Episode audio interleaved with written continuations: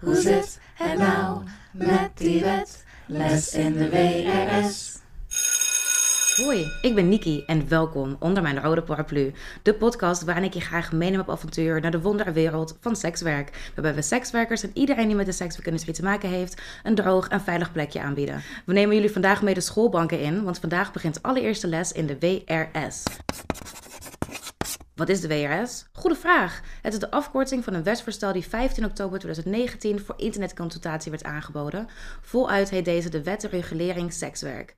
Een van de eerste zinnen van de memorie van toelichting op het wetsvoorstel zegt: Ons land kent geen verbod op prostitutie en het wetsvoorstel brengt daarin geen verandering. Dat neemt niet weg dat het van groot belang is om prostitutie en andere vormen van sekswerk te reguleren om misstanden in de seksbranche te voorkomen of te verminderen. De belangrijkste hoofdpunten van de WRS zijn een vergunningplicht voor prostituees, een verplicht vergunningsgesprek waarin een ambtenaar vaststelt of iemand zelfredzaam genoeg is om sekswerk te mogen doen. Een landelijk prostitutievergunningregister. Een minimumleeftijd van 21 jaar om een vergunning als prostituee aan te mogen vragen. En het strafbaar stellen van klanten en faciliteerders van illegale prostitutie, ook wel het pooierverbod genoemd. Als je dit hoort, denk je waarschijnlijk: wat goed, want iedereen wil toch misstanden voorkomen? We willen toch allemaal dat uitbuiting en mensenhandel stopt? Ja, maar is het wetsvoorstel niet eigenlijk wel de beste manier? En is het wel echt van groot belang om sekswerk te reguleren? Tijdens de verschillende lessen van de WRS willen we alle kanten van het wetsvoorstel belichten en we zullen in de komende lessen dan ook spreken met voor- en tegenstanders van dit wetsvoorstel. Om eerst een goed beeld te krijgen van wat de WRS nu precies is, wat het betekent en ook inzicht te krijgen in het huidige beleid van sekswerk in Nederland, heb ik vandaag Rodney Haan onder mijn paraplu. Rodney en ik kennen elkaar inmiddels al een aantal jaar van verschillende bijeenkomsten over sekswerk, zoals onder andere de door hem georganiseerde jaarlijkse prostitutie-thema-bijeenkomst van het CCV. Dat is het Centrum voor Criminaliteit en Veiligheid. Rodney is jurist, criminoloog, adviseur bij het CCV en volgens zijn Twitter ook een levensgenieter. Klopt.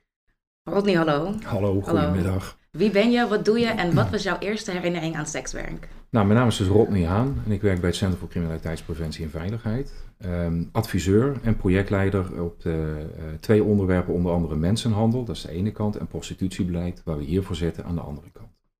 Uh, mijn eerste ervaring met sekswerk is heel erg lang geleden. Um, volgens mij was ik een jaar of vier of vijf en ik had een vriendje, die heette Roy. En zowel mijn ouders als uh, Roy zijn ouders hadden een boot.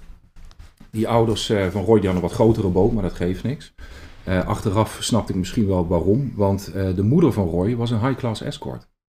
En als kind, als je vijf bent, dan heb je gewoon een leuk vriendje, dan speel je mee. Die moeder is gewoon een moeder, die smeert je boterham. Hè, als je trek hebt, geef je een, een chocomel, geef je een snack, wat je ja. ook wilt. Gewoon een hele aardige vrouw.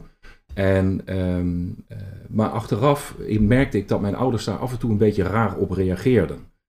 En pas later kwam ik tot de conclusie en begreep ik ook dat uh, de moeder van Roy in het sekswerk actief was als uh, high-class escort destijds. Hoe kom je daar dan eigenlijk achter? En, en, ouders wisten dus ook, was het een soort van algemene kennis? Nee, mijn ouders hebben mij dat verteld. Okay. Natuurlijk niet destijds toen ik zo jong was in alle geuren en kleuren. Maar we hebben wel aangegeven dat deze mevrouw met andere mannen op stap ging en soms ook andere dingen deed. Ja, en, en, en wat voor een beeld, had je daar dan een, een bepaald beeld bij? Of een soort een, een nee, ik vond gewoon, negatief, nee, ik vond het gewoon een aardige vrouw. Dus uh, zoals je als kind, als je, uh, net zoals je bij iemand anders gaat spelen, die, uh, waar de moeder of de vader gewoon wat te drinken aanbiedt, je een boterhammetje smeert of een snackje geeft, dan is dat gewoon een hele aardige vrouw. En je vriendschap met, met Roy, die in dit geval, ja, die leidt daar niet onder, die heeft daar geen invloed op, daar merk je helemaal niks van. Nee. Dus ik was er heel erg onbevangen in. En, Feitelijk nu nog steeds. Ja. ja. En is het, dan het, is het dan misschien zo dat je daardoor dan heeft het jouw beeld van prostitutie gevormd op een of andere manier? Heb je daardoor misschien altijd al een, een iets opener uh, beeld gehad van wat mensen, hoe mensen in de prostitutie zijn? Nou ja, goed, ik, ik weet het niet. Ik denk dat het ook met mijn opvoeding te maken heeft, dat mijn ouders me dat ook verteld hebben. Ja. Uh, kijk, mijn vader was politieagent, dus die keek daar iets anders naar wellicht dan, uh, dan dat je dat als klein kind doet. Ja. Maar ik ben er wel altijd opgevoed met dat je naar de mens moet kijken en niet altijd naar wat hij doet. Uiteraard is er wel een, een, scheiding gemaakt zoals iedereen dat in zijn opvoeding hoopt te krijgen tussen goed en kwaad. Ja. maar dat heeft meer te maken van blijf een beetje op het goede pad. En het goede pad is dan vooral geen criminaliteit. Ja. Een van jouw hoofdtaken is dus prostitutiebeleid. Dat klopt. Ja. Waarom prostitutiebeleid? Komt dat vanuit het mensenhandelstuk? Of kan nee, mensenhandel is pas uh, veel later erbij gekomen. Uh, ik werk al 14 jaar bij het CCV. En ik heb de eerste paar jaar heb ik heel veel gedaan met uh, publiek-private samenwerking tussen ondernemers en overheden. En eh, na een paar jaar, pak een beetje een jaar of acht, negen, eh, werd het wel tijd voor een, eh, voor een switch. Dus heb ik intern heb ik eerst nog wat onderzoekswerk gedaan. En was een andere collega bezig met prostitutiebeleid destijds. En voor die collega en samen met die collega heb ik toen een instrument ontwikkeld om gemeenten te ondersteunen in het opstellen van een prostitutiebeleid. Uiteindelijk ging die collega, die dus daar de projectleider van was, die ging de liefde achterna in België. En eh, toen heb ik, het, eh, heb ik het onderwerp overgenomen, omdat het eh, een, een ontzettend boeiend onderwerp is. Het is een ontzettend controversieel onderwerp, maar het is ook een onderwerp wat je heel zuiver moet benaderen. En wat mij in eerste instantie destijds opviel, was dat het heel erg zuiver benaderd werd. Maar ontzettend vanuit de juridische invalshoek. En nou ben ik zelf wel jurist, maar ook criminoloog. En een criminoloog die vraagt zich altijd af, als iemand iets doet, hoe reageert de rest daarop? Hè, de, de, de meerderheid, hoe reageren die op het gedrag van één iemand? En eh, wat zijn dan de gevolgen die daaruit voortvloeien? En het viel mij dus op dat er heel veel juridisch werd gekeken naar het sekswerk. En absoluut niet naar bijvoorbeeld de zorgkant of de menskant. Ja. En dat heb ik eh, nu in die afgelopen vijf jaar enigszins wat verder naar voren proberen te duwen. Hoewel het nog steeds gaat om beleid maken. Hè. Daar ondersteunen wij gemeenten in. Eh, maar beleid betekent niet alleen maar eh, vanaf papier bekijken. Oké, dit mag, dit mag niet. Of dit vinden wij prettig en zo willen wij het graag inrichten. Maar je moet ook kijken voor wie dat je dit doet. ja. En want je adviseert, en wie adviseer je dan? Gemeentes? Wij voor, eh, adviseren voornamelijk gemeenten. Mhm.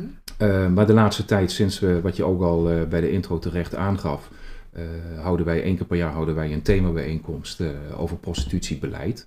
En dat was in eerste instantie eigenlijk een bijeenkomst die alleen maar voor gemeenteambtenaren, voor politiemedewerkers, uh, mensen van de douane, eigenlijk allemaal vanuit de publieke sector, hè, dus vanuit overheidswegen daarbij betrokken waren. En um, omdat ik iets meer die, die, die, die, die zorg en ook de sekswerkers zelf wilde benaderen, krijg ik nu ook steeds meer vragen van sekswerkers. Alleen kan ik die veel moeilijker adviseren, ja. maar kan ze wel op de hoogte brengen van uh, de wetregulering sekswerk. En dan krijg je dus vooral vragen over hoe ze op de beste manier aan het werk kunnen? Of? Nou, de belangrijkste vraag die ik krijg, en dat, is, uh, dat heeft ook te maken wellicht hier met, uh, met het onderwerp waar we het vandaag over hebben, over de wetgeving. En de ja. belangrijkste vraag daarin is, wanneer gaat het nou eindelijk eens een keertje van start? Of wanneer weet ik nou waar ik aan toe ben? Ja. Dat zijn wel vragen die ik ook heel veel van sekswerkers krijg. Hè. Die, uh, die hebben de internetconsultatie gehoord, misschien zelf ook geconsult, de consultatie gegeven, maar in de meeste gevallen niet. En die vragen zich dan oprecht af van, wat gaat dit voor mij betekenen? Ja. En die geef ik dan een, een, een, zo duidelijk mogelijk advies en vooral de geruststelling dat vooralsnog niets verandert in zoals het er nu is. Nee, en zoals het nu is, daar wil ik zo meteen inderdaad toch wel wat meer over, uh, over praten. Maar we gaan eerst even naar een break en dan hebben we het daar wat meer over. Hoe zit het nou met die wet? Les in de WRS. Ik dacht eerst misschien om een beetje context te geven aan onze leerlingen. Mhm. Mm -hmm. um, is het misschien fijn als we het hebben, nou, eigenlijk bij het begin te beginnen. Um, en voor veel mensen is het begin het bordeelverbod, of de opheffing van het bordeelverbod ja. in 2000. Ja. Wat is toen gebeurd? Nou, Wat is twee... toen gebeurd? Want voor heel, volgens heel veel, heel veel mensen denken dat het, uh, sekswerk vanaf dat moment legaal werd in Nederland. Maar dat klopt niet. Nee, dat is, dat is kletskoek. Uh, ja. Het sekswerk kon ook al voor die tijd. Uh, ja. Sowieso, als je gaat kijken naar de geschiedenis de, van, van sekswerk. Um, dat gaat zo ver terug dat ik het zelfs nog niet eens meer weet. Maar er is een tijd geweest dat bordelen gewoon toegelaten werden. Er is een tijd geweest dat uh, de sekswerkers zelf gecriminaliseerd werden, met andere woorden strafbaar waren in wat ze deden. Mhm. Mm -hmm. uh, daarna is dat weer uh, omgebogen dat je wel sekswerk mocht doen, maar dat een bordeel weer niet mocht. Ja. En uiteindelijk is in 2000 gezegd van nou, toen was de tijd dat bordelen eigenlijk niet mochten, hè, dus privéhuizen, wat je ook maar verzint, hè, dus echt de raamexploitanten. raamexploitanten verzinnen, het, neem het is dat opgeheven. Dus met andere woorden, toen mocht je bij wet in ieder geval uh, uh, een seksbedrijf beginnen. Maar in de jaren 60 waren ook gewoon seksbedrijven. Ja, dus uh, toen toen werd meer gedoogd. Ja, precies. Een gedoogbeleid hadden ja, ze toen. Ja, dat klopt. Dus vanaf 2000 toen was dus de opheffing van het bordeelverbod. Ja. En wat was, het, wat was het doel dan? Waarom hebben ze toen besloten om, om, om dat zo te gaan doen? Nou ja, weet je, kijk, het vraagstuk, eh, vaak zeg ik, vaak eh, zeg ik wel eens van, ja, weet je, het, eh, als het gaat over, eh, over seks, wordt iedereen nerveus. Ja, dat klopt. En, ehm, eh, nou goed, gelukkig onder de paraplu niet. En eh, we, staan, we staan hartstikke droog, maar het regent ook niet buiten, dat scheelt een hoop. Maar mensen worden gewoon nerveus als het over seks gaat. En Ja. wat je merkte was dat er, ehm, de overheid had eh, behoefte om in ieder geval een statement te maken dat dat wat eigenlijk al gedoogd werd, ook daadwerkelijk bij wet geregeld werd. Met andere woorden, als jij een seksbedrijf hebt, dan mag dat. En eh, waar het, eh, de grootste uitdaging destijds eh, zat, en dus eigenlijk nu tot op de dag van vandaag, maar we hebben nog steeds geen nieuwe wet, is dat de overheid heeft gezegd van nou, het bordeelverbod wordt opgeheven, dus je mag een seksbedrijf beginnen, maar hoe en wat wordt per gemeente geregeld. De enige beperking die de gemeenten hadden destijds was dat ehm, er geen nulbeleid mocht worden eh, toegepast. En Ja. nulbeleid betekent dat je dus binnen je gemeente eh, eh, mocht je dus niet verbieden dat er een seksbedrijf zou komen. En als je dan verder kijkt hoe dat dan gegaan is. Ik heb zelf bij een gemeente gewerkt toen het bordeelverbod werd opgeheven. Nou, dat leverde nogal wat, wat reuring op binnen gemeenteland. Hè, want op een gegeven moment moest je beleid gaan maken Ja, over bestaande of mogelijk komende seksbedrijven binnen jouw gemeentegrenzen. En in die gemeente waar ik werkte was een vrij eh, eh, christelijk georiënteerde gemeente, waar dus iedereen eigenlijk een, een, een, een, vanuit hun, hun geloofsovertuiging een, eh, een beeld hadden over commerciële seks. Nou, dat was niet positief. nee. Terwijl ik een burgemeester had die van VVD-huizen kwam, die zoiets had van nou, eh ieder mens mag doen wat hij wil eh, Ja. wat dat betreft. En als burgemeester moet ik één ieder een, een, een onderdak bieden. Dus eh, beste Rodney Haan, Tom Poes, verzin maar een list. Nou, toen zijn we aan de slag gegaan om in ieder geval ervoor te zorgen destijds dat er wel mogelijkheden waren om met een seksbedrijf te beginnen. Eh, alleen vanwege de, de, de, de geloofsovertuiging van de meerderheid van de kiezers binnen de gemeente, eh, moesten we daar natuurlijk wel heel goed rekening houden met, ehm, ja, ze- eigenlijk met, met, met, met de gevoelens van, eh, van de inwoners van de betreffende gemeente. Ja. Dat heeft voor iedere gemeente heeft dat dus een andere oplossing geboden. Dus de wet heeft gezegd, stop maar met, met het bordeelverbod. En beste gemeente, succes ermee. Ja, en, en, verder zoek je het maar uit. Dat is eigenlijk een beetje... Ja, zoek hem maar uit. Eh, kijk, Ja, luister, de wet en de wetsgeschiedenis. Hè, want als er een wet wordt gemaakt, dan wordt ook heel veel gediscussieerd in de Tweede Kamer. En die Tweede Kamer, die, eh, en dan geeft de minister geeft er weer antwoord op. En dan komen natuurlijk ook, eh, dat bouwt een beetje wetsgeschiedenis op. Want in artikel 151a van de gemeentewet, wat dus nu op dit moment nog steeds de geldende wetgeving is, staat bijvoorbeeld niet dat je geen seksbedrijf eh, binnen je gemeentegrenzen mag. Dat was de vrijheid van iedere gemeente, maar in de wetsgeschiedenis is wel aangegeven dat een nulbeleid, zoals het dan zo mooi heet, geen optie was. Ja. En ehm, wat, wat was nou precies het doel van het bordeelverbod dan? Want in principe zou je ook kunnen zeggen, nou, het werd, al gedoogd. Dus ehm, laat, laat het maar gewoon allemaal een beetje zo belopen. Ja. Was er een specifiek doel? Dat weet ik eerlijk gezegd niet. te beogen? Nee, dat, eh, als ik dat wist zou ik het graag willen zeggen. Dat weet ik eerlijk gezegd eh, eh, niet. Maar wat je wel ziet is dat heel veel zaken die al jarenlang gedoogd worden, op een gegeven moment wel van overheidswegen enige vorm van regulering nodig hebben. Ja, En regulering betekent dat je feitelijk ervoor wil zorgen dat daar waar, je die, eh, waar de situatie plaatsvindt, dat je dat enigszins in goede banen kunt leiden. ja, Nou, en dat is eigenlijk ook een van de redenen geweest om dat bordeelverbod op te heffen. Maar de specifieke context, hè, dus de reden waarom dat, dat als zodanig in, eh, in 2000 eh, heeft plaatsgevonden, dat durf ik niet te zeggen. Dat spijt me vreselijk. Nou, ik dacht eigenlijk dat het ook wel een beetje was van eh, als, als we dan het bordeelverbod opheffen, dan kunnen we dingen meer in kaart brengen en dan kunnen we misstanden Ja. meer voorkomen. Ik dacht eigenlijk Klopt, dat ja. dat ook wel een beetje de achterliggende gedachte was. Nou ja, even, even kort college, hè, want eh, misschien is het al eerder eens een keertje eh, besproken. Maar als je het hebt over prostitutiebeleid, is dat heel wat anders dan als je het hebt over seksuele uitbuiting. Ja, Hè, seksuele uitbuiting is een, een, een deelonderwerp van, eh, van het vraagstuk mensenhandel. ja, En in 2000 was het, het probleem of het vraagstuk mensenhandel eigenlijk nog helemaal niet zo, eh, zo'n hot topic zoals het dat eh, vandaag de dag is, nu Ja. tegenwoordig in 2020. Dus eh, ja, natuurlijk, er was reden tot regulering en om te kijken of je bepaalde misstanden kon, kon tegengaan. Maar als je kijkt naar artikel 151a, waarin wordt gezegd van nou goed, je, kunt, je hebt een vergunning nodig om met een bordeel te beginnen, even kort de bocht. dat biedt nou niet bepaald voldoende redenen tot het inkaderen van bepaalde vraagstukken die je dan wil reguleren. Want die regulering die is dus lokaal belegd. Ja. dat zegt dat artikel 151a van de gemeentewet. Van nou, beste gemeente, ja, niet zoek het uit, maar succes, succes ermee. ja. ja. En waar kan je als gemeente dan terecht als je... Bij jou dus eigenlijk nu? Uh, nu bij mij, uh, maar ik ben niet de enige hoor. Er zijn meerdere partijen die, uh, die advies kunnen geven. Als het echt gaat over de, over de wet en over het, het, invullen van het, van het lokale beleid, dan kun je uiteraard bij het CCV terecht. Ja. maar er is ook nog de Vereniging Nederlandse Gemeenten, de VNG. En de VNG is een belangenorganisatie, een vereniging waar alle gemeenten in Nederland lidmaatschapsgelden betalen. Dus ook bepaalde ehm, eh, zeg maar, zaken aan hun overlaten.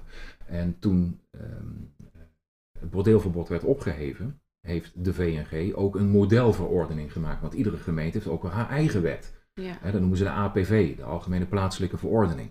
En de VNG helpt dan de gemeente weer om ehm, zeg maar, het vraagstuk rondom prostitutiebeleid nader in te vullen. Ja. Als ik terug ga naar 2000, toen ik ermee begon, uh, was in het, in het Westland, uh, dus zeg maar onder Den Haag. Dat heet nu tegenwoordig de gemeente Westland. Nou, dat was een van de oude kernen destijds. Uh, toen hebben wij ons in 2000, voor die tijd, laten informeren door de gemeente Den Haag. Wat je dus ook zag was dat, dat je als kleine gemeente was eigenlijk helemaal niet bezig met het vraagse prostitutiebeleid.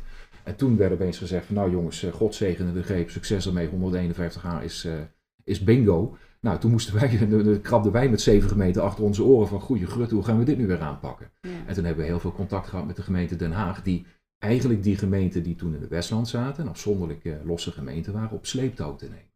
Ja, nou, je ziet wel veel hè, dat uh, kleinere gemeentes inderdaad kijken naar wat doet Den Haag, wat doet Amsterdam, wat doet Utrecht. Ja. Om een beetje een beeld te krijgen van wat dan zou kunnen werken. Ja. Maar ik had toch inderdaad, wat ik zei in mijn hoofd, dat het uh, toch een beetje van, we moeten misstanden voorkomen. Want omdat ik dus ook en misschien heb ik dat dan wel mis, uh, dat er op een gegeven moment dus de WRP werd geïntroduceerd. Na, na de, uh, ja, zeven jaar later ongeveer, ja, 2007, 2008. 2008 ja. Met dus ook het idee van uh, misschien niet helemaal gelukt of wat we wilden bereiken. En, en toen kwam de WRP. Dus, en wat het ook specifiek heette, de wetregulering prostitutie. En oorspronkelijk volgens mij zelfs wetregulering prostitutie en bestrijden En andere misstanden in de seksbranche, als ik me niet vergis. We nemen even een kleine pauze en dan zijn we zo meteen weer terug. Hoe zit het nou met die wet? Les in de WRS. Nou, die WRP, uh, dus de wet regulering prostitutie, uh, ja. wet regulering prostitutie en andere misstanden in de seksbranche, uh, die is inderdaad in 2007 ontsproten en in 2008 volgens mij in stemming gebracht, ja. is een reactie geweest op feitelijk op, het, op, op, op, op de, de, de, de vaagheid, zonder daar een, een, een waardeoordeel aan te geven, maar toch de, de, de lichte van God zegende de greep van 151 aan gemeentewet, met andere woorden, doe maar wat, uh, om daar meer structuur in te brengen. Omdat ook de Rijksoverheid zag dat er ontzettend veel uh, verschillen waren in hoe gemeenten hun vraagstuk, uh, hun, hun, hun, beleid op het gebied van, van commerciële seks gingen uitvoeren. Ja. Hè, in de Bijbelbelt werd gewoon gezegd, nul beleid, ja, amahula, we willen het gewoon niet. Ja. Hè, want, want, want onze uh, onze inwoners die gaan gewoon uh, niet, uh, zeg maar, die gaan niet voor betaalde seks. Nee, die doen dat natuurlijk niet. Nee, die doen dat niet. En nou goed, ik laat in het midden of dat daadwerkelijk zo is, maar dat is dus wel het uitgangspunt. Ja. Net zoals in die gemeente waar ik werkte, die ook vrij, vrij gelovig van aard was, waarin toch de, de, de bode zelf ook wist van nou ik weet precies wie op de fiets stapt en naar Naaldwijk gaat en die gaat niet naar de kroeg. Dus het zijn er toch een klein beetje die dorpse, die dorpse dingen. Ja. Maar dan zag je dus dat iedere gemeente dat anders aanpakte. En uh, sommige gemeenten, die, hè, wat ik al zei, die, die, die wisten, wisten, van toeten nog blazen wat dat betreft. Want ook in die, uh, destijds in die gemeente waar ik werkte, um, was er één bordeel in de buurt. En dat was Naaldwijk. En, en daar konden de mensen dan hun gerief vinden. Maar niet in het o zo mooie Schravenzooien waar ik heb gewerkt. Dus was het Schravenzanden. Dus daar was dat niet zo. Dus daar moesten we een andere, een andere oplossing vinden. En die was weer totaal anders dan de oplossing die in Den Haag werd uh, ja. gedaan. Omdat daar de Doubletstraat bijvoorbeeld was. Als je daar vooraan prostitutie, veel meer prostitutiebedrijven ook actief waren. Hè, terwijl in, het, uh, in Schavenzand of in Monster of in Honselosdijk uh, en al die buurten daar zo, ja, dan gebeurde dat niet. daar, hadden ze, daar had je geen bordeel. Sterker nog, daar, daar vond geen prostitutie plaats natuurlijk. Nee, en dat snap je wel. helemaal niet. Nee, natuurlijk Nee. niet. Er was ook niemand die vanuit huis werkte. Dat gebeurde allemaal niet. Dat vonden wij allemaal niet. eh, althans, vanuit gemeentewegen bestond dat niet. Dachten we nog niet eens over na, joh. Nee. Nee. En was het dan dus, eh, nou wat je zegt, van het is eigenlijk een beetje als een reactie op wat gemeentes niet zo goed wisten eh, wat ze ermee moesten en dat het overal anders ge- ge- ge- ge- gereguleerd werd. Ja, dan moest er echt een, een beetje een, een, stroomlijn in komen. Ja. ja. Was het dan, ik weet niet, werkte je toen nog bij de gemeente en dacht jij dan toen de WHP geïntroduceerd werd, yes, dit is fijn, want nu hebben we een, een, een uitgangspunt. Ja, Of nee. dacht je toen eigenlijk, wat, wat dacht je toen de WHP Nee, ik, ik, ik, in ieder geval, ik werkte niet meer bij de gemeente toen de WHP eh eraan kwam. Sterker nog, toen werkte ik eh, al bij het CCV, maar niet op dit onderwerp. Ja, En het enige wat ik daarvan mee heb gekregen destijds, hè, want ik was toen heel veel bezig met eh, nou, publiek-private samenwerking op bedrijventerreinen en winkelgebieden, is dat eh, een collega van me inderdaad eh, eh, best wel al zwetende zat. Hè. Niet dat hij met, met wetgeving bezig is, maar dat, eh, dat die verandering nogal wat teweeg ging brengen.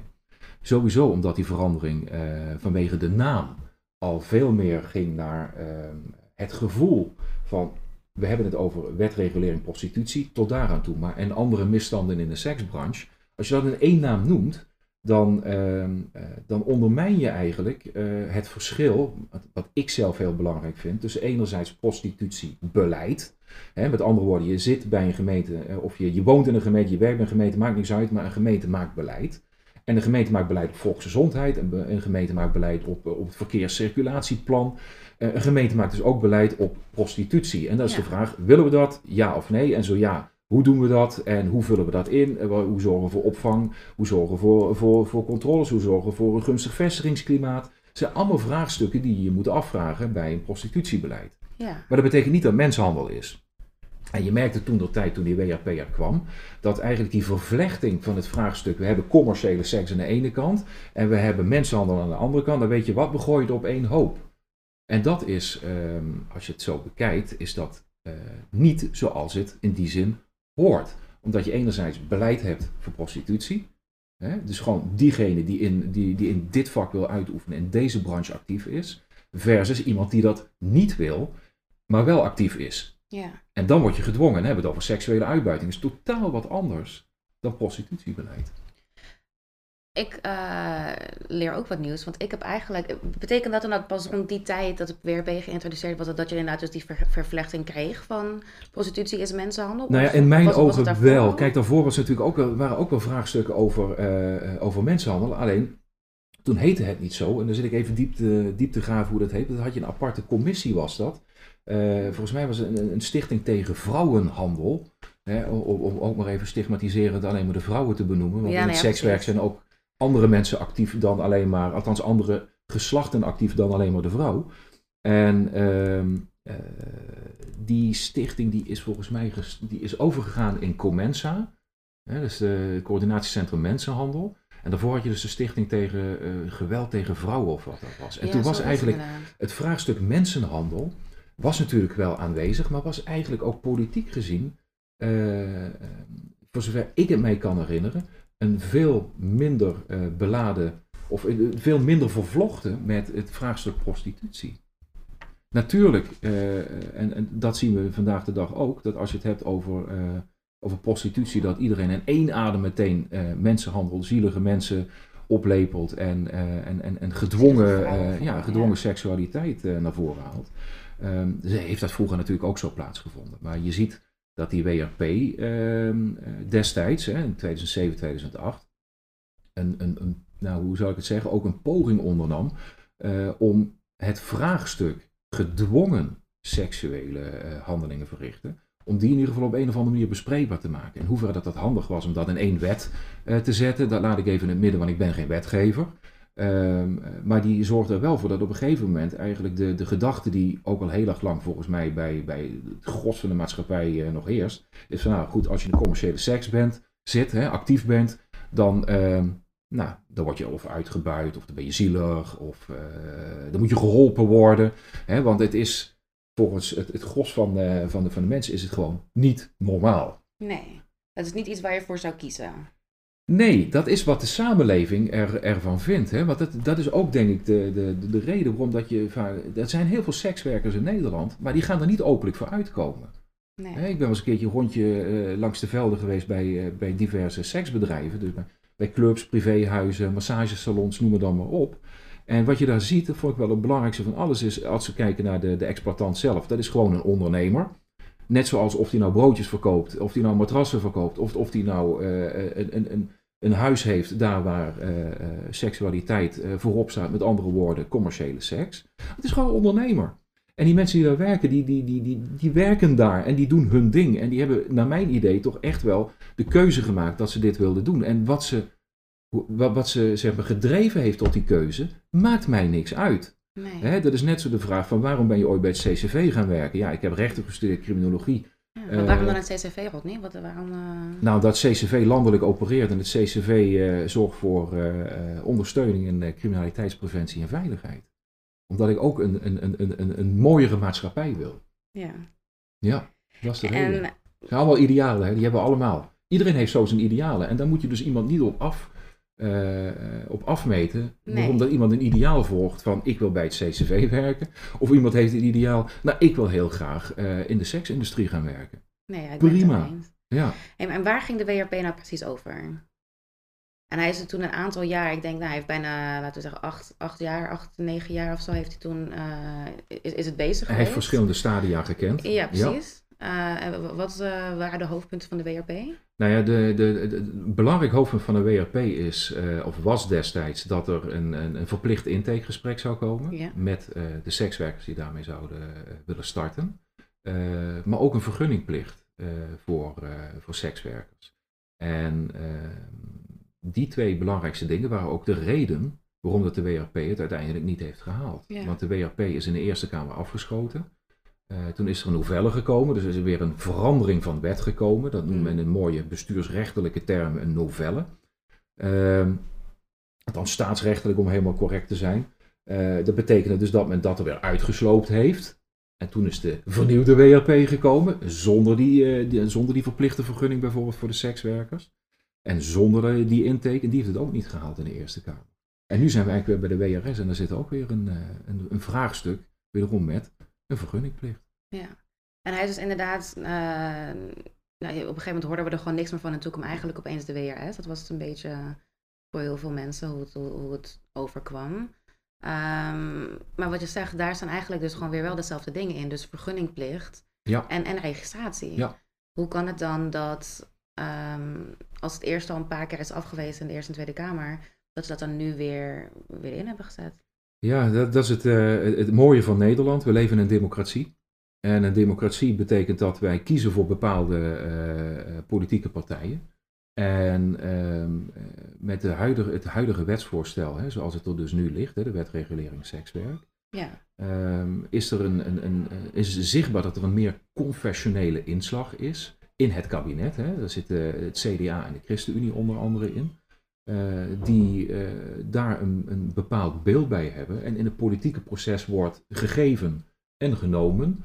En eh, in dit geval heeft, heeft het ertoe geleid dat als ik het zo op een afstand bekijk, dat vanuit de meer confessionelere hoek er een keuze is gemaakt om toch wederom te gaan kijken naar die, die registratie, in dit geval met een, met een vergunning. ja. Maar dat is het politieke proces. Ja, En we zitten nu, nou wat je zegt, het is een wetsvoorstel, het is dus nog geen wet. absoluut nog lang niet. Nee. nee. Hoe kan je een beetje meer vertellen in lekentaal over, eh, over het, het, het proces van Op zijn janboerenfluitjes. Ja, alsjeblieft. Ja, ik, ik Leg- probeer leg het op zijn uit. janboerenfluitjes uit te leggen. Van hoe, hoe- waar begint het? Waar zijn we nu? Wat zijn de volgende stappen? Hoe zit het nou met die wet? Les in de WRS. Wij willen graag meer horen over de procedure van de WRS. Wat is precies het... eh, het is dus nog geen wet. Nee, dat klopt. Nee. En hoe, hoe, hoe werkt dat dan? Je hebt, je- iemand bedenkt dat. Waar, waar, waar- hoe zit dat? Waar zijn we nu? En wat zijn dan de Ja. volgende stappen tot wanneer het wel een wet Hoe wordt? komt een wet tot stand? Hoe komt een wet tot stand, Nou, alsjeblieft? een wet, een wet komt tot stand tot in eerste instantie de gedachte van wat gaan we doen? Moeten we hier iets mee? Nou, dat is eh, eh, denk ik wel duidelijk. Hè? Men wilde daar iets mee vanuit Ja. Politiek Den Haag. Eh, dat betekent dat vanaf dat moment eh, eh, binnen het departement, zoals het dan zo mooi heet, in dit geval Justitie en Veiligheid, een paar juristen aan de slag mogen gaan. En die gaan een conceptwettekst maken. Uiteraard wordt er in de zijlijn worden er heel veel meningen opgehaald. Wordt vooral gekeken ook naar, in dit geval, hè, als we het hebben over de WRS, wat willen die partijen nou erin hebben? Dus met andere woorden, wat wil de politiek? Nou, dat is wel iets wat je moet verwerken in zo'n wet. Nou, of, dan komt er dan een, een concept. Hè? Dat concept dat wordt nog 24.000 keer besproken, gaat nog 24 kanten op, wordt nog eens een keertje getoetst door deze en gene, hè? dus door heel veel mensen. En uiteindelijk heb je dan een wetsvoorstel of een conceptwetsvoorstel. Hoe lang zijn ze daarmee bezig geweest? Um, voor de WRS, even kijken, we hebben dus, uh, we gaan weer even de geschiedenis in. 2000 opheffen van bordeelverbod. 2007, 2008 is men begonnen met die WRP. Uh, die WRP die is in 2014 volgens mij uh, afgeschoten. Toen is men, of 2012, toen is men naar een novelle gegaan. Ja. Kijk, een novelle is feitelijk een, een, een herziening van een bestaand wetsvoorstel. Dat betekent dat, er dus, dat het wetsvoorstel niet helemaal compleet is. In dit geval in de Eerste Kamer werd het als niet helemaal compleet gezien. En dan kun je de wet in die zin aanpassen. Maar als je een, een grotere aanpassing aan de wet doet, dus zonder een nieuwe wet te maken, maar dus een grotere aanpassing in die wet, dan heet dat een novelle. Die is uiteindelijk aangehouden in de Eerste Kamer. Nou goed jongens, zo, zo, zo leer je nog wat over uh, staats- en bestuursrecht. Maar uh, die is dus aangehouden in de Eerste Kamer. En die WRS is men ongeveer twee, tweeënhalf jaar geleden mee, mee begonnen. Dus daar is al heel veel werk aan verricht. En klopt het dan dat er een, een, een, beetje overlap was of dan net niet? Want volgens mij was het rond 2016, 2017 dat we eigenlijk nog dachten dat de WRS zou komen. En toen hoorden we er eigenlijk gewoon niks meer van. En toen was een beetje de conclusie getrokken van ja, het zal waarschijnlijk niet er doorheen gaan. En toen kwam eigenlijk opeens een beetje meer geluid van er komt, er komt iets nieuws aan. En Ja. toen kwam opeens afgelopen 15 oktober, hier is de het, consultatie. de WRS. Ja, precies. Ja, ja dat klopt. En twee, er is, een, is er een overlap? Ja en nee. Kijk, op het moment dat je weet in een wet van die gaat het niet halen. Hè, en eh, je voelt al van tevoren aankomen op welke punten dat je het niet gaat halen. Hè, eh, eh, Dan maak je een nieuwe wet met dezelfde punten. Wordt er eigenlijk feitelijk weer langzamerhand wordt weer opgebouwd naar een, naar een nieuwe wet. En wat we hebben gehad in, in, in de tijdsgevricht waar jij het nu over hebt, hè, 2017, 2018, toen kwam Rutte 3. Kwam toen eh, ja. eh, informatie, want eh, de WRP, hè, dus de novelle van de WRP, dus die, eigenlijk die, die zwaar aangepaste WRP die ooit in 2007 ontwikkeld is, Ja. die lag bij de Eerste Kamer, maar toen waren Tweede Kamerverkiezingen. En het zag er nou uit dat er een hele andere samenstelling, of in ieder geval wat, een, een andere samenstelling ging komen in politieke partijen. En toen is destijds ook door die Eerste Kamer dat even aangehouden, omdat men het sowieso niet eens was over die WRP destijds. Hè. Daar waren de partijen gewoon echt absoluut niet eensgezind over, maar ook niet de Nationaal Rapporteur Mensenhandel en de politie en het Openbaar Ministerie, laat staan de sekswerkers zelf. Hè, die waren er allemaal niet blij mee. Nee. En toen had de Eerste Kamer zoiets van, ja, dan krijg je toch een beetje cold feet. Eh, laten we dan even wachten. Nou, toen kwam het kabinet Rutte 3 en toen kwam die WRS eh, om de hoek kijken. Dus is ook die naamsverandering heeft toen plaatsgevonden. Ja. En dat is een geheel nieuwe wet. Want officieel is die novelle, hè, die dus bij de Eerste Kamer is blijven hangen, die is nog steeds officieel aangehouden, zoals het dan zo mooi heet. Met andere woorden, hij is niet weggestemd, eh, hij is niet verbrand, hij is niet verscheurd. Hij, Eh, hij is gewoon aangehouden, hij ligt nog ergens in een, in een la. Ja. Dus in theorie zou je kunnen zeggen dat hij nog weer terug zou kunnen komen. Eh, in theorie wel, maar dan gaat het, eh, zeg maar, het staats- en bestuursrecht mij iets te ver wat kennis betreft. Ik weet niet precies hoe dat zou moeten werken, Nee. maar het zou volgens mij wel kunnen. Ja. Ik denk niet dat het wenselijk is, maar het zou Ik wel denk het ook niet, nee. Nee. En wat, wat, wat voor, voor mij is het wel een beetje, een beetje dezelfde wet wel. Is het, is het niet gewoon hetzelfde wet met een nieuw naampje? Kijk, wat men eigenlijk wil, hè, eh, is dat het sekswerk nog steeds, zoals destijds met het opheffen van het, van het bordeelverbod, gewoon legaal is. Hè. Je mag dit beroep uitoefenen, lijkt me ook vrij logisch. Want eh, wat ik al aangaf, of je nou bakker wil worden of matrassenverkoper, ja, nou, dat mag ook. Of ZZP'er, eh tekst schrijven of verzin het, eh, dan, dan mag je ook in het sekswerk stappen. Dus dat zit wel in, zeg maar, in de basis zit dat erin. Wat je wel ziet is dat er een, een, een, het druppelt dan wel een beetje door. In de zin van, ja, als je dit werk gaat doen, dan is dat wel, ehm, ja, hoe zullen we het zeggen, high risk. Je hebt een high risk profile. Hè? Met andere woorden, als je dit werk gaat doen, dan ben je kwetsbaarder dan als je bakker wordt. Kwetsbaarder voor, voor wat precies? Nou, volgens de wet in dit geval kwetsbaar voor uitbuiting, onder andere. ja. En dat wil men voorkomen. Maar op het moment dat je. En nou wordt het dus inderdaad wel, wel interessant. En daar zie je dus ook de voor- en de tegenstanders komen. Als je zegt van wij willen dat een sekswerker in ieder geval, eh, ehm, zeg maar, het is een kwetsbaar beroep. Dat is tot daaraan toe dat je dat mag zeggen. En dat mag iedereen zeggen. Nou goed, hè, ieder zijn eigen mening. Maar als je dan verder gaat en je zegt van, en omdat het kwetsbaar is, moeten we heel erg gaan beperken. En eh, kom je al heel snel op het woord mensenhandel, in dit geval seksuele uitbuiting. Ja, dan ga je dus twee vraagstukken met elkaar vermengen. want je hebt aan de ene kant heb je prostitutie, hoe willen we daarmee omgaan? Aan de andere kant hebben we gedwongen seksuele eh, eh, dienstverlening, met andere woorden, seksuele uitbuiting. Dat mag niet. Nee, dat wil ook niemand. Tenzij dat je gedwongen wordt. Daarom heet het ook mensenhandel en heet het seksuele uitbuiting. Ja. Maar je moet dus zorgen dat je die twee dingen niet met elkaar gaat verwachten. En het, het, het, het, het, het gekke, het verrassende, het grappige, hoe je het ook wil noemen. En ik denk dat sommige mensen nu waarschijnlijk op de banken gaan staan en denken van, Haan, hou nou even je mond. Is dat die twee gewoon vermengd worden. Ja. En uh, terwijl het eigenlijk gewoon niet nodig is. Want als jij kiest voor dit beroep, dan doe je dit beroep gewoon. Heel simpel, klaar. Doe je best. Hè? Hartstikke fijn. Net zoals uh, een tekstschrijver uh, mooie teksten aanlevert. En pas op het moment dat, dat je mensen tegenkomt die gedwongen erin zitten. Maar het is niet alleen maar seksuele uitbuiting aan mensen. Het is ook veel meer. Hè? Want als we het hebben over mensenhandel, wordt eigenlijk direct de link gelegd. Mensenhandel is seks. Hè? Is dus seksuele uitbuiting. Ja. Nee, dat is niet waar. Mensenhandel is ook arbeidsuitbuiting. Hè? De, de, de, in, in, in de landbouw of, of uh, in de bloementeelt of waar het ook zit, in de bollenstreek. Uh, zonder, uh, ik moet wel meer dingen opnoemen, hè? een transportsector. daar worden ook mensen uitgebuit. Ja, volgens mij was een paar jaar geleden ook een artikel dat er mensenhandelslachtoffers in het distributiecentrum van Albert Heijn gevonden waren. Dus volgens mij kunnen we ze overal wel vinden. Je kunt ze inderdaad overal vinden, alleen, en dat is nou net het probleem bij, hè, als we even heel kort die zijsprong maken naar mensenhandel, het is een haaldelict. Je ziet het niet. Ja. Je ziet het gewoon niet. Dus die moet je ogen en oren moet je open houden. En, uh, en nou komt het omdat zeg maar, de seksindustrie uh, sowieso maatschappelijk heel goed verkoopt, omdat heel veel mensen daar een verschillende mening over hebben.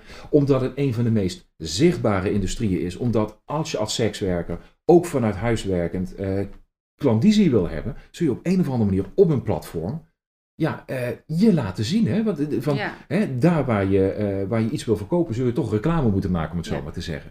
En dat is, dat is gevoelens fressen, want dat zie je dan dus gewoon lekker op, uh, op, de, op de websites, hè? Kinky of Sexjobs, whatever. Hè? Daar ben je ook nog eens een keertje zichtbaar. Nou ja, goed, laten we eerlijk zijn, als we het hebben over een transportbedrijf, ja, die, die, die, die zijn helemaal niet zo zichtbaar wat dat betreft. Ja, uiteraard met een een bedrijf, hè, daar waar de vrachtwagens naar binnen en naar buiten rijden en, en noem het dan maar op. Maar het is uh, uh, moeilijker vindbaar, of, uh, eigenlijk is vanuit, vanuit de, de seksindustrie, is het eigenlijk zo makkelijk vindbaar. Ja. En daarom richten ze zich daarop. En daarom wordt waarschijnlijk seksuele uitbuiting ook zoveel, en krijgt dat zoveel aandacht.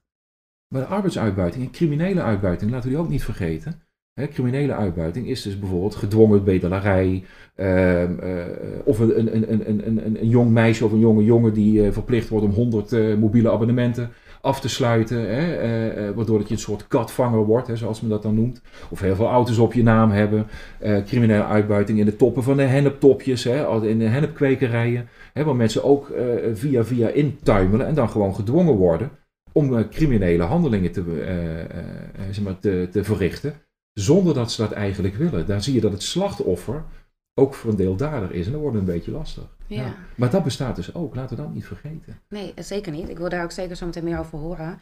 Nog heel even. Um, we zitten dus nu in de internetconsultatiefase van de WRS. Dat klopt, ja. Dus die is nu, uh, in december is die gesloten, 15 december 2019. Ja. Dus wat gebeurt er nu? En wat zijn dan de volgende stappen? Um, van hoe, dit, hoe wordt het wat, wetsvoorstel wat nu gaan in verder wet? dan? Ja, hoe wordt het wetsvoorstel nu in wet? Nou, die consultatie, ik zal met, met grote zeven mijls naast er doorheen uh, racen. Uh, die internetconsultatie heeft heel veel reacties opgeleverd. Die reacties die worden gebundeld hè, in bepaalde categorieën bij wijze van spreken. Want er wordt een beetje hap klaargemaakt voor de staatssecretaris, dus uh, mevrouw Broekers-Knol, die hier dit dossier beheerst. Die krijgt dat uh, uh, voorgelegd van nou, dit is wat uit die consultatie is gekomen, inclusief een advies. Want het is nog steeds de staatssecretaris die daar een besluit over moet nemen. Die zal dat ongetwijfeld binnen de coalitiepartijen bespreken. Wordt gekeken of daar draagvlak voor is. Als daar draagvlak voor is, dan wordt uh, dat wetsvoorstel geagendeerd in de Tweede Kamer voor stemming. Hè, om daarop te gaan stemmen. Dus dan moet de hele Tweede Kamer daarover gaan stemmen. Vinden we dat goed? Vinden we dit slecht? Ja. Pas als de Tweede Kamer daar een ja op heeft gezegd van, nou, hè, er zitten wat, wat haken en ogen aan, want er zijn natuurlijk heel veel discussies die daar nog bij komen. Hè. Het is niet zo dat de Tweede Kamer meteen zegt, ja, prima joh, dan gaan we, gaan we door. Kan dat Hè? wel? Is dat Eh, mogelijk? Is dat wel eens gebeurd?